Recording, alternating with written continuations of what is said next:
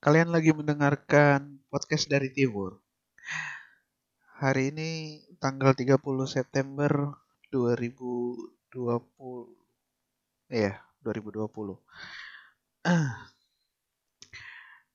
Di episode 3 gue udah nyeritain pengalaman nggak enak ya eh, dirawat di salah satu rumah sakit di Sorong?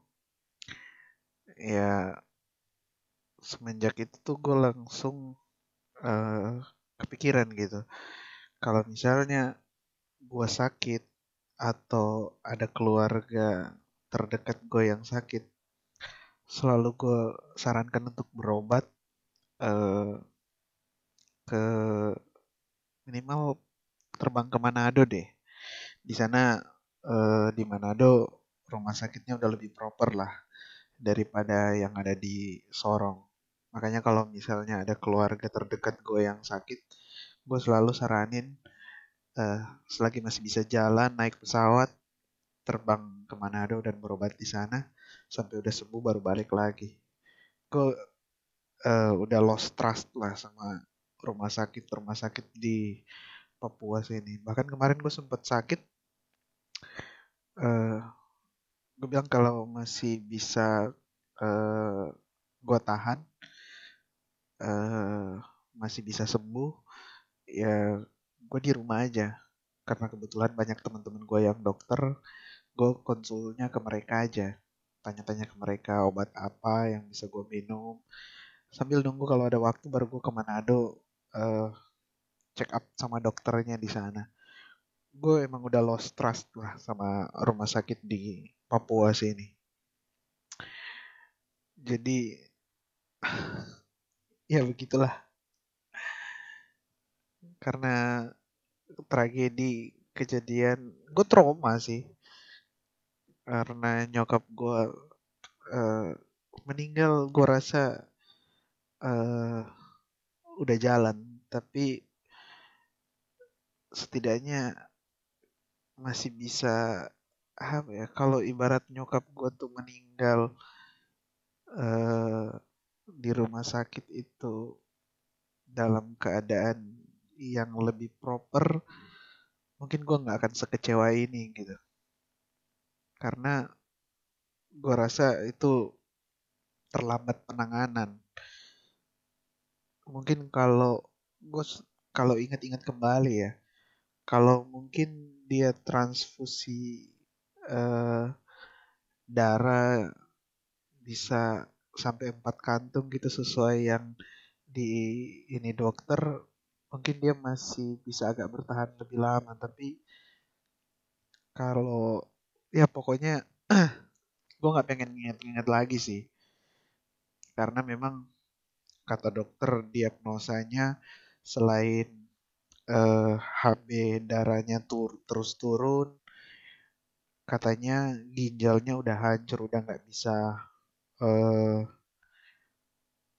apa ya minum obat udah nggak ngefek lah. Kayak gitu gitulah gue nggak ngerti uh, soal itu tapi ya kecewa aja lah sama uh, pelayanannya. Secara itu rumah sakit umum gitu. Uh, dari tragedi yang tragedi bisa disebut tragedi nggak sih? Dari pengalaman lah, dari pengalaman itu tuh uh, eh, gue sampai ada kepikiran ide gila. Ini menurut gue ide gila karena gue udah pernah ngobrolin sama temen gue yang bukan temen sih. Ada wanita yang sempat deket sama aku kebetulan dia dokter gue sempet ngobrolin ini sama dia dan dia bilang itu gila sih. Gue nggak tahu karena perkembangan zaman ini apa gue doang yang gila? Atau suatu saat nanti ke depannya jadi? Gue nggak tahu sih. Apa gue yang visioner atau uh, kalau itu emang nggak pernah kejadian ya berarti gue doang yang berpikiran ide gila ini. Tapi nggak ada salahnya gue pengen cerita ide gila gue um, mulai dari mana ya oh iya jadi di episode kemarin yang episode 3 gue cerita soal kesulitan mencari golongan darah O. Dan di saat nyokap gue meninggal tuh gue lagi nyusun skripsi untuk sarja uh, mengenai uh, sarjana di bidang uh, teknik informatika. Karena gue spesifiknya ngambil jurusan mobile application jadi di situ tuh kita harus bikin aplikasi Android gitu uh, sebagai output lah. Yang sekiranya bisa memudahkan uh, kehidupan masyarakat ya membantu lah ya gitu gitulah kayak orang ngerjain skripsi pada umumnya jadi untungnya gue sebenarnya udah jalan. Udah jalan udah sementara ngerjain aplikasi. Mungkin kalau gue baru mau masuk proposal skripsi mungkin gue bakal ngusulin ini sih. Gue nggak tahu. Kalau misalnya uh, gue rasa dari penilaian gue sebagai orang IT yang lulus di bidang mobile application, gue rasa aplikasi ini akan berguna. Mungkin kalau ada yang dengerin podcast ini dan kebetulan dia lagi kuliah mau skripsi mungkin ini bisa diambil jadi judul skripsinya atau dibikin skripsinya. Gue punya ide ini tuh. Gue lebih gue mencampurkan ide gue dengan bisnis sebenarnya tapi kalau pure cuman idenya gue rasa itu masih make sense. Jadi karena di saat waktu uh, nyokap gue ibaratnya kritis lah di rumah sakit, dia butuh darah. Uh, eh, gue mikirnya tuh kenapa sih begitu sulit untuk mendapatkan darah? Padahal kita udah punya yang namanya Palang Merah Indonesia. Apa nggak bisa dari uh, rumah sakit tersebut ketika ada kejadian emergensi gitu, ada pasien yang membutuhkan golongan darah tertentu, mereka ngontek PMI pusat dan tolong ngasih tahu PM, PMI pusat gitu berkoordinasi dengan satu kota atau daerah tertentu gitu yang paling dekat atau misalnya mereka punya rumah mereka punya kontak tiap rumah sakit atau eh, cabang palang merahnya tuh untuk nyampein gitu. Eh ada pasien di kota Sorong butuh darah oh kira-kira eh, cabang-cabang terdekat dari rumah sakit ini atau rumah sakit ada nggak yang punya? Sebenarnya sesimpel itu kalau misalnya kita lihat perkembangan zaman sekarang tuh kalau misalnya punya uh, service center kelas itu ini kan bicara soal pelayanan gitu. Gimana lu bisa cepet ada masalah lu cepet nyelesain gitu. Jadi di saat misalnya satu rumah sakit bilang eh stok darah golongan O golongan darah O stoknya kosong nih di rumah sakit gue gue butuh misalnya empat kantong tolong cariin empat kantong terdekat. Kayak kita ngebooking aplikasi jenis Gojek atau ini aja. Jadi uh, kalau kita punya aplikasi yang nge-report gitu, aplikasi yang nge-report ke pusat gitu, eh di daerah sini punya golongan darah O, ya kan? Misalnya punya dua kantong, nanti di daerah sekitarnya juga nggak report, eh gue punya satu kantong, ini itu kan bakalan cepet banget nemu. Oh jadi di rumah sakit ini atau di cabang PMI cabang ini ada sedia dua kantong. Di rumah sakit ini ada sedia satu kantong. Itu kan ibaratnya tuh bisa cepet ya kan? Orang nyari oh gue tinggal ke sini. Tak tak tak tak dapat pasien yang emergensi butuh uh, apa namanya darah tersebut bisa cepet dapat kebutuhannya. Makanya tuh gue kepikiran gue pengen waktu itu tuh nge-build suatu aplikasi yang berbagi informasi gitu. Jadi uh, untuk membuat database kayak itu basic lah ya. Untuk anak-anak IT pasti mereka tahu cara nginput itu harus ya diinput uh, datanya dari pihak-pihak yang uh, ibaratnya penyimpan pen, tempat PMI lah penyimpanan stok darah itu tuh harus melaporkan terus ke pusat gitu. Tiap ada darah yang masuk ke penyimpanan dan yang keluar tuh mereka harus nge-report. Jadi ada kayak aplikasi yang terkonek secara nasional gitu untuk melaporkan stok darah yang ada di tempat uh, yang capable untuk menyimpan darah gitu. Nah, gue pengen develop satu aplikasi kayak gitu. Jadi seluruh Indonesia ini terkoneksi. Jadi kita bisa mantau, eh stok golongan darah O coverage-nya, jadi coverage-nya nggak usah, kalau ibaratnya nggak usah terlalu jauh-jauh ya, yang masih memungkinkan untuk dikumpul. Jadi ibarat gue butuh di kota A, kalau di Bandung ready kan terlalu jauh, karena darah itu uh, dari pengalaman katanya dia tuh begitu keluar dari uh, penyimpanan tuh dia cuma bertahan berapa lama gitu dari ruang eh, penyimpanannya itu. Karena kemarin gue cerita-cerita soal masalah golongan darah sama orang dari uh, dinas kesehatan.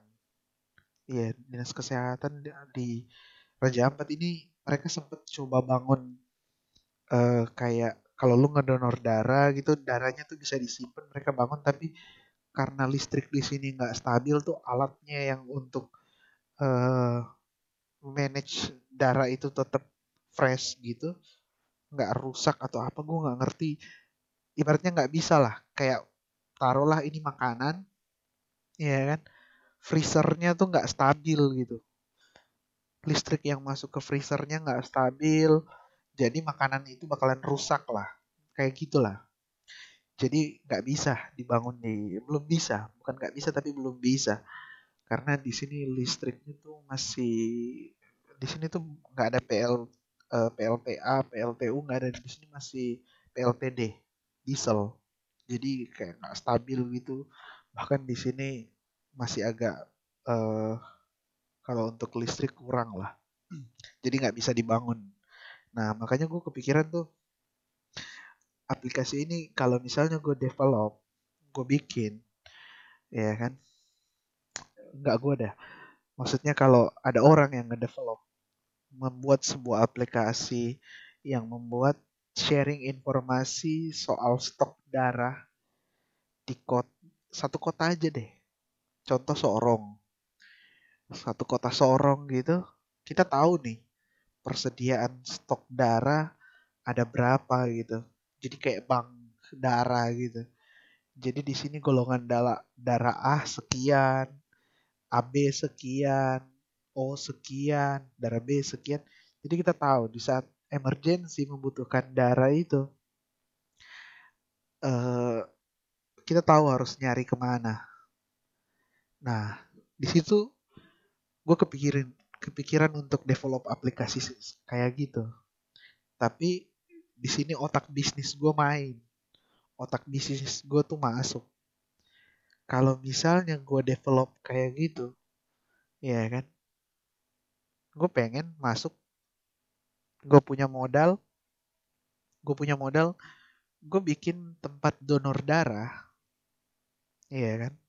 Tempat donor darah yang di mana uh, orang-orangnya juga yang mendonorkan darah. Kita cek jenis darahnya apa kita minta data dirinya, alamatnya, nomor teleponnya, akan gue data dalam satu aplikasi itu.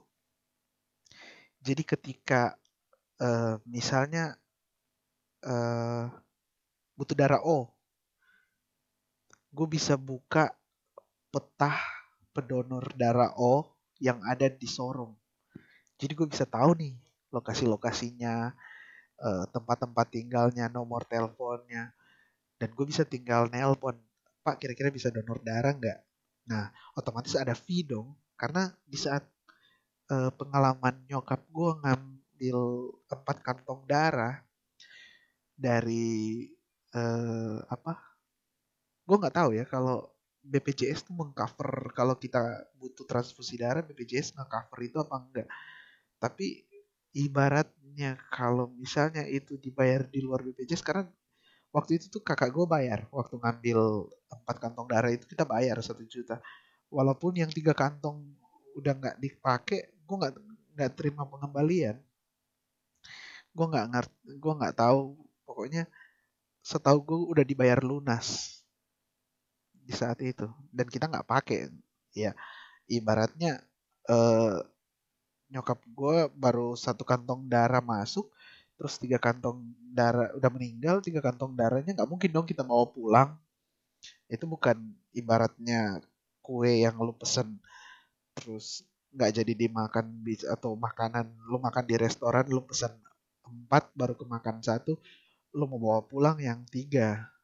Jadi gua nggak tahu karena waktu ngurusin uh, itu juga udah uh, pusing dan lain-lain kita udah nggak ngurusin lah. Makanya gue kepikiran ini ini asli jahat sih. Tapi ibaratnya tuh kalau misalnya gue punya data gue punya data para pendonor misalnya golongan O di daerah Sorong dan sekitarnya ketika ada orang yang butuh darah gue bisa menghubungkan eh, yang membutuhkan dengan yang menyediakan komoditinya ya kan? Yaitu darah. Jadi tinggal misalnya mereka butuh malam ini ya kan? Gue rasa kalau malam nggak bisa ngambil darah ya kan? Besok pagi mungkin baru bisa diambil darahnya. Ya kita udah siapin. Misalnya stoknya terbatas kita udah siap orang yang untuk uh, apa namanya ngedonor. Tapi otomatis ada fee-nya dong kira-kira berapa banyak orang di Papua yang bakalan bergabung untuk uh, bergabung join di aplikasi itu. Pertama, positifnya akan mengurangi tingkat pemabuk di uh, Sorong. Kalau misalnya it, uh, aplikasi itu berjalan bagus ya kan. Karena kan kalau nggak salah, uh, setahu gue orang yang kalau mau donor darah tuh dia harus bebas alkohol tuh sekitar sebulanan gitu itu bagus sebenarnya untuk mengurangi tingkat uh, pemam. Jadi itu tuh jadi kayak freelance gitu. Ya tetap dibayar lah dengan potongan. Ibaratnya kalau misalnya dia ngam ada satu orang dia ngambil dua kantung, dua kantung kita hargai dua setengah satu kantung, iya kan? Dua setengah satu kantung ya udah kita ngambil dua ratus ribu 300 ribunya dia bayar. Itu kan profit. Jadi bisnis kan lumayan. Kalau apalagi kalau misalnya uh, dikembangkan terus tempat uh, misalnya aku membangun tempat gitu untuk jadi bank darah tempat penyimpanan darah gitu. Ketika misalnya ada dua pasien dua keluarga pasien yang datang. Mereka dua-dua butuh golongan darah O empat kantung empat kantung dan uh, stoknya tersisa empat kantung. Kebayang nggak bakalan banting-bantingan harga untuk ngebayar darah itu? Itu pikiran jahat gue sih. Kalau misalnya gue punya aplikasi kayak gitu. Ini masalahnya nyawa tapi bisnis is bisnis ya kan? Karena gue ngeliat itu di rumah saya gue pikir gue pikir uh, eh, gue belum pernah ikut donor darah sekalipun.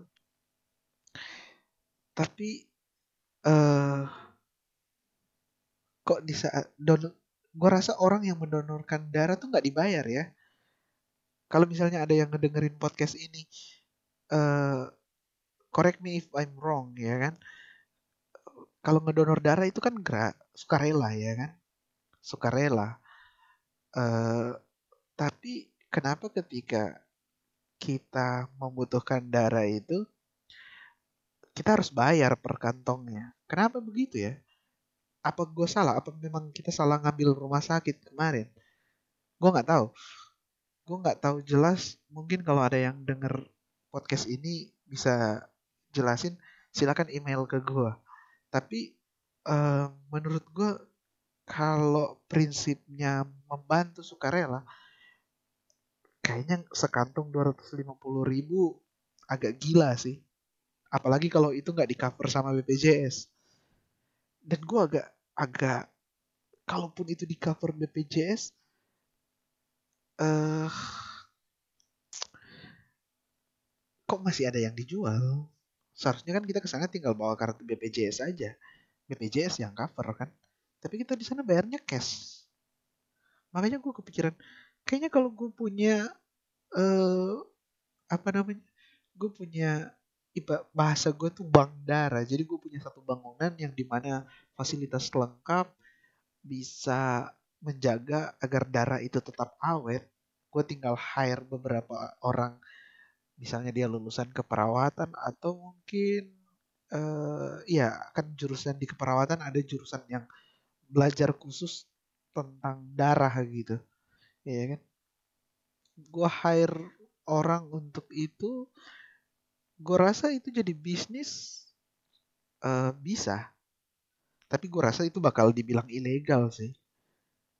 Tapi kan bisa ada penghasilannya kan kita ngambil darah orang ya kita jualan darah. Basic basic pasarnya tuh kita jualan darah ya kan? Apalagi kita bisa develop suatu aplikasi yang membantu membantu. Tapi zaman sekarang di saat emergency kayak gitu ya tetap nggak mungkin eh, nggak uh, mungkin gue ngebangun suatu bangunan yang menjaga agar darah itu tetap awet gue dapat listrik gratis dari PLN gue memperkerjakan orang secara sukarela nggak mungkin dong tetap ada pengeluarannya gimana caranya mengcover pengeluarannya itu? Iya kan? Makanya kalau misalnya gue bisa mendevelop aplikasi, ibaratnya gue punya modal bikin bangunannya, develop aplikasinya, hire orang untuk menjaga itu, ya balik lagi ketika darah itu masuk, gue bisa mungkin menjengol apa, bikin kayak uh, donor darah gitu. Terus nanti akan di follow up. Orang-orang yang mendonorkan darah itu namanya akan dicatat. Kalau perlu kita kasih mereka untuk install aplikasi itu mencantumkan nomor rekening mereka. Jadi kita bagi hak sistem bagi hasil aja lah. Jadi kalau misalnya selama sebulan eh, sekitar 200 atau 300 kantong darah ya kan yang keluar gitu taruhlah kita patokan 250 ribu per kantong darah ntar gue hitung. 250 ribu per kantong darah ya kan. Kalau misalnya sebulan taruhlah ada 100 kantong darah yang diambil sama pasien-pasien yang membutuhkan. Dapat 25 juta sebulan. Lumayan. Dibagi operasional ya kan? Dibagi operasional mungkin masih ada sisa sekitar uh, ya 10 juta ya 10 juta untuk uh, apa namanya? 10 juta untuk misalnya kita bagi ke seluruh orang yang terdaftar yang pernah mendonorkan darah tapi nanti mungkin uh, ya mungkin akan kecil gitu tapi kalau ibaratnya dia kan jadi kayak pasif income untuk orang-orang yang pernah mendonorkan darah. Itu ibaratnya kalau gue punya satu cabang. Gimana kalau gue punya cabang di seluruh Indonesia? Kebayang nggak sebulan misalnya eh, yang darah eh, yang butuh darah gitu yang keluar dari eh, bank darah yang gue punya gue nyebutnya bank darah deh kayaknya seru deh bank darah kalau yang keluar misalnya dia keluar sekitar 10 ribu kantong darah. Wah. 10 ribu kantong darah berapa ya? Ntar coba gue hitung. Sebulan 10 ribu kantong darah yang keluar. Uh 2,5 M. Pertama gue udah membuka lapangan kerja. Itu lapangan kerja. Membuka lapangan kerja memberikan pasif income kepada yang udah mendonorkan darah Iya kan? Jadi yang mendonorkan darah dia bisa rutin. Gue nggak tahu orang yang mendonorkan darah tuh limitnya tuh kayak kalau misalnya lu mendonorkan darah di bulan Januari, berapa bulan sebelum lu bisa mendonorkan darah lagi? Apalagi darah, ada kan golongan darah yang susah dicari. Nah, otomatis nanti ibaratnya tuh orang-orang yang golongan darahnya susah dicari, nanti uh, share profitnya otomatis mereka akan lebih gede dong dari yang ibaratnya golongan darah yang lebih gampang dicari. Jadi akan menentukan misalnya uh, golongan darah AB yang paling susah dicari di antara user mitra. Taruhlah kita bermitra kayak Gojek aja gitu. Mitra gue yang golongan darahnya AB 1000 orang. Kalau yang O dan lain-lain itu dia sekitar Eh, lima ribu atau enam ribu otomatis akan dibagi per uh, jumlah kantong darahnya dong. Jadi misalnya dalam sebulan kantong darah AB yang keluar uh, seribu. Ya 200 seribu itu kan dapat 25 juta potong operasional dan lain sharementnya ya ke orang-orang yang golongan darah AB aja. Jadi pasif income-nya tuh masuk ke golongan darah AB bakal seru nggak kayak gitu kalau misalnya lu terlibat di dalam itu uh, lu bisa tetap kerja ya kan? Tapi lu punya pasif income yang uh, setiap bulannya tuh masuk otomatis ke rekening lo tanpa lu perlu ibaratnya kita cuma bermitra aja. Lu di saat kita buka apa namanya? Misalnya oh stok darah AB udah menipis nih stok darah O juga stok darah B juga. Ya udah kita buka acara donor darah. Nanti mereka dapat notifikasi di HP ya kan? Di sini lokasi ini untuk donor darah. Mereka datang dengan sukarela ya kan? Gue rasa ide ini bakalan memunculkan lebih banyak uh, apa namanya orang yang tergerak untuk mendonorkan darah. Plusnya juga mereka akan menjaga tubuhnya tetap sehat agar mereka bisa tetap untuk mendonor apa bisa untuk mendonorkan darah ya kan. Ke depannya mungkin bakalan di uh, ada quality controlnya ya kan. Oh darah ini mengandung alkohol bad quality dibuang ya kan akan ada harus ada quality controlnya gue rasa make sense ya kalau bikin kayak gitu. Ya kemanusiaan jalan, bisnis jalan. Bisnis kemanusiaan gue rasa tuh paling worth it deh. Efeknya ke masyarakat juga bakalan oke okay sebenarnya.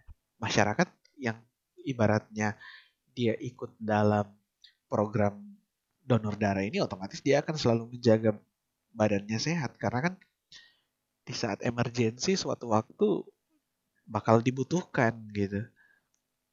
Dia kayak jadi silent troops gitu deh. Cuman gue mesti nyari gue mesti nyari modal yang gede atau investor yang gede untuk merealisasikan ide gila ini sih. Mungkin ini buat orang-orang yang uh, skeptis, mereka bakal bilang ini gila tapi buat bisnismen gue rasa ini ide yang brilian. Ya kan? Apa baru gue yang kepikiran ini? Atau mungkin ada dari kalian yang kepikiran ide gila seperti ini? Buat kalian yang ngedengerin podcast ini.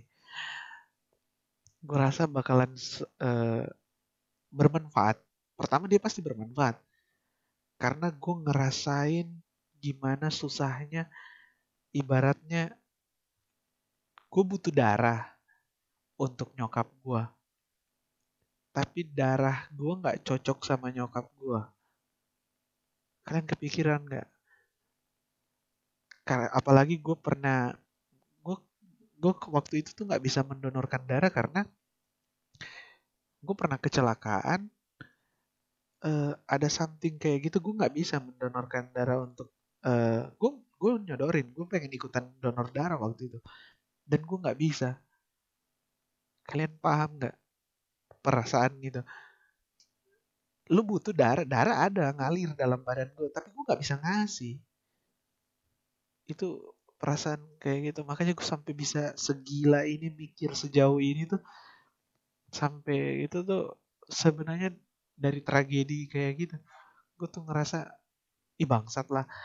Darah ini ada loh dalam gue satu eh, satu golongan darah satu golongan tapi gue nggak bisa ngasih. Kesel di di, di situ gue kesel sih. Gue mesti eh, nyari ke sana kemari. Eh gue gue nggak kebayang sih kalau misalnya ada yang ngedengerin podcast ini ada di posisi gue kira-kira respon kalian gimana? Eh gue gue pengen tahu sih kalau ada yang uh, ngedengerin podcast ini kalau mungkin kalian di posisi gue gimana? Kalian bisa email di uh, podcast dari timur at gmail.com gue pengen tahu sih nanti gue bacain di episode berikutnya. Gue pengen interaksi juga sama yang dengerin podcast ini sih sebenarnya. Makanya gue sampai kepikiran mungkin ini gila sih tapi daripada gue tahan doang di otak gue mending gue ceritain. Kali aja ada orang yang sepemikiran sama gue dia punya kenalan yang punya ya, investor. Mungkin kita bisa merealisasikan ya kan? Kayaknya bakalan seru gitu. Jadi kita bikin uh, satu aplikasi yang membantu dari segi kesehatan dan menguntungkan banyak pihak. Jadi ini kayaknya bisa jadi unicorn baru gitu. Kalau misalnya diluaskan coverage seluruh Indonesia, karena gue pernah kepikiran gitu, gue pengen terjun ke dunia bisnis juga gue kepikiran kira-kira komoditi apa yang ibaratnya eh, nggak akan selalu habis dan selalu dibutuhkan. Darah salah satu. Komoditinya ada. Penduduk kita banyak. Yang emergensi di rumah sakit butuh donor darah, kayak transfusi darah banyak. Apalagi yang demam berdarah atau apa ya, apa kanker darah, ya kan? kalau kita bisa make money dari situ, why not gitu. Contoh yang kena kanker, mereka lama di ibaratnya dirawat kan biar ada duitnya yang bayar.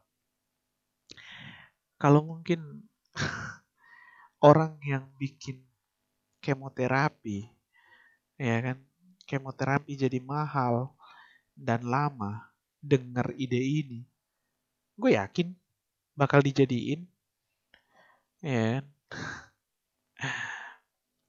karena ini balik lagi ke bisnis. Ini sebenarnya implementasi dari sistem uh, supply and demand ya kan?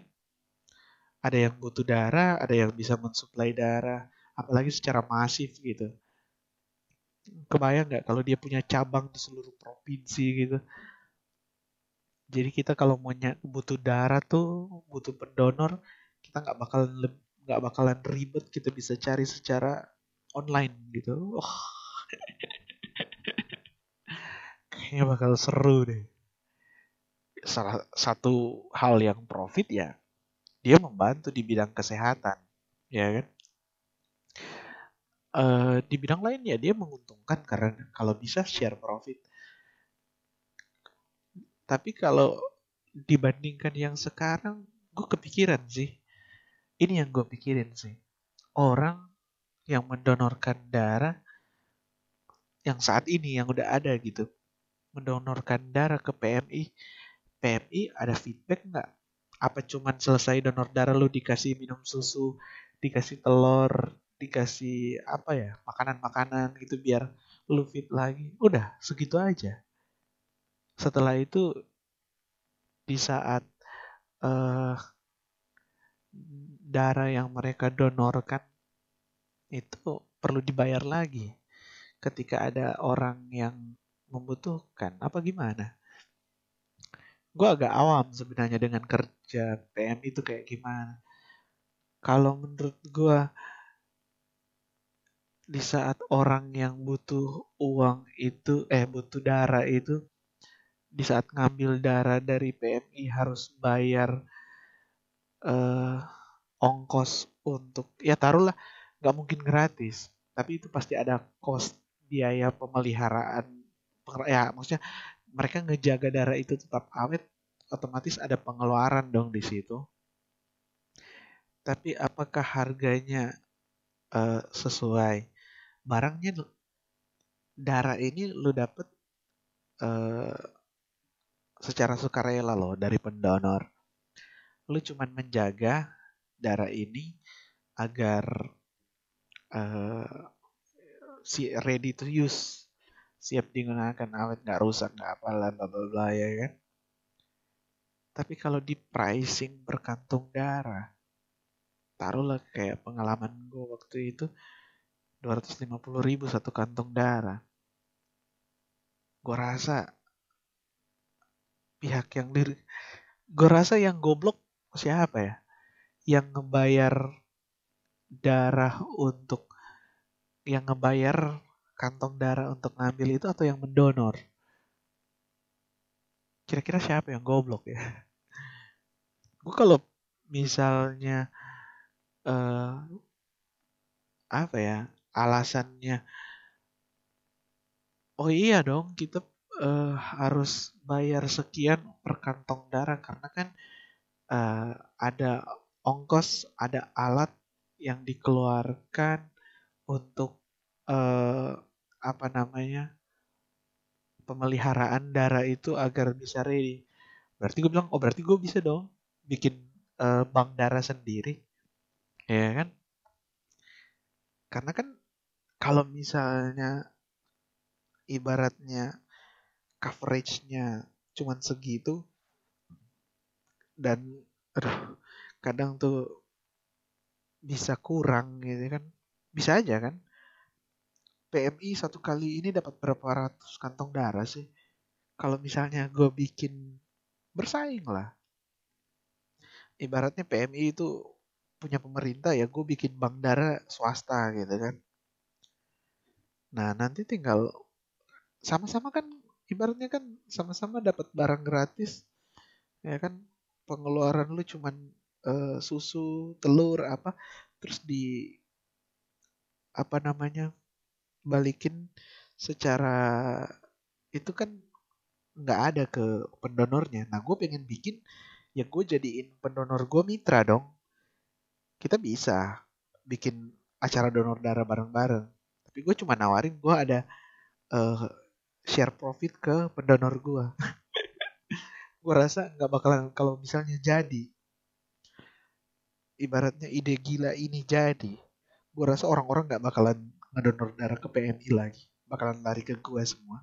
Secara gue share profit gue bagi sama pendonor gue ya kan? Kayaknya ide gila kayak gini kalau misalnya jadi bener mungkin 10 atau 20 tahun lagi uh, kejadian. Ingatlah bahwa di tanggal 30 September 2020 gue udah pernah cerita soal ini buat kalian yang ngedengerin podcast ini.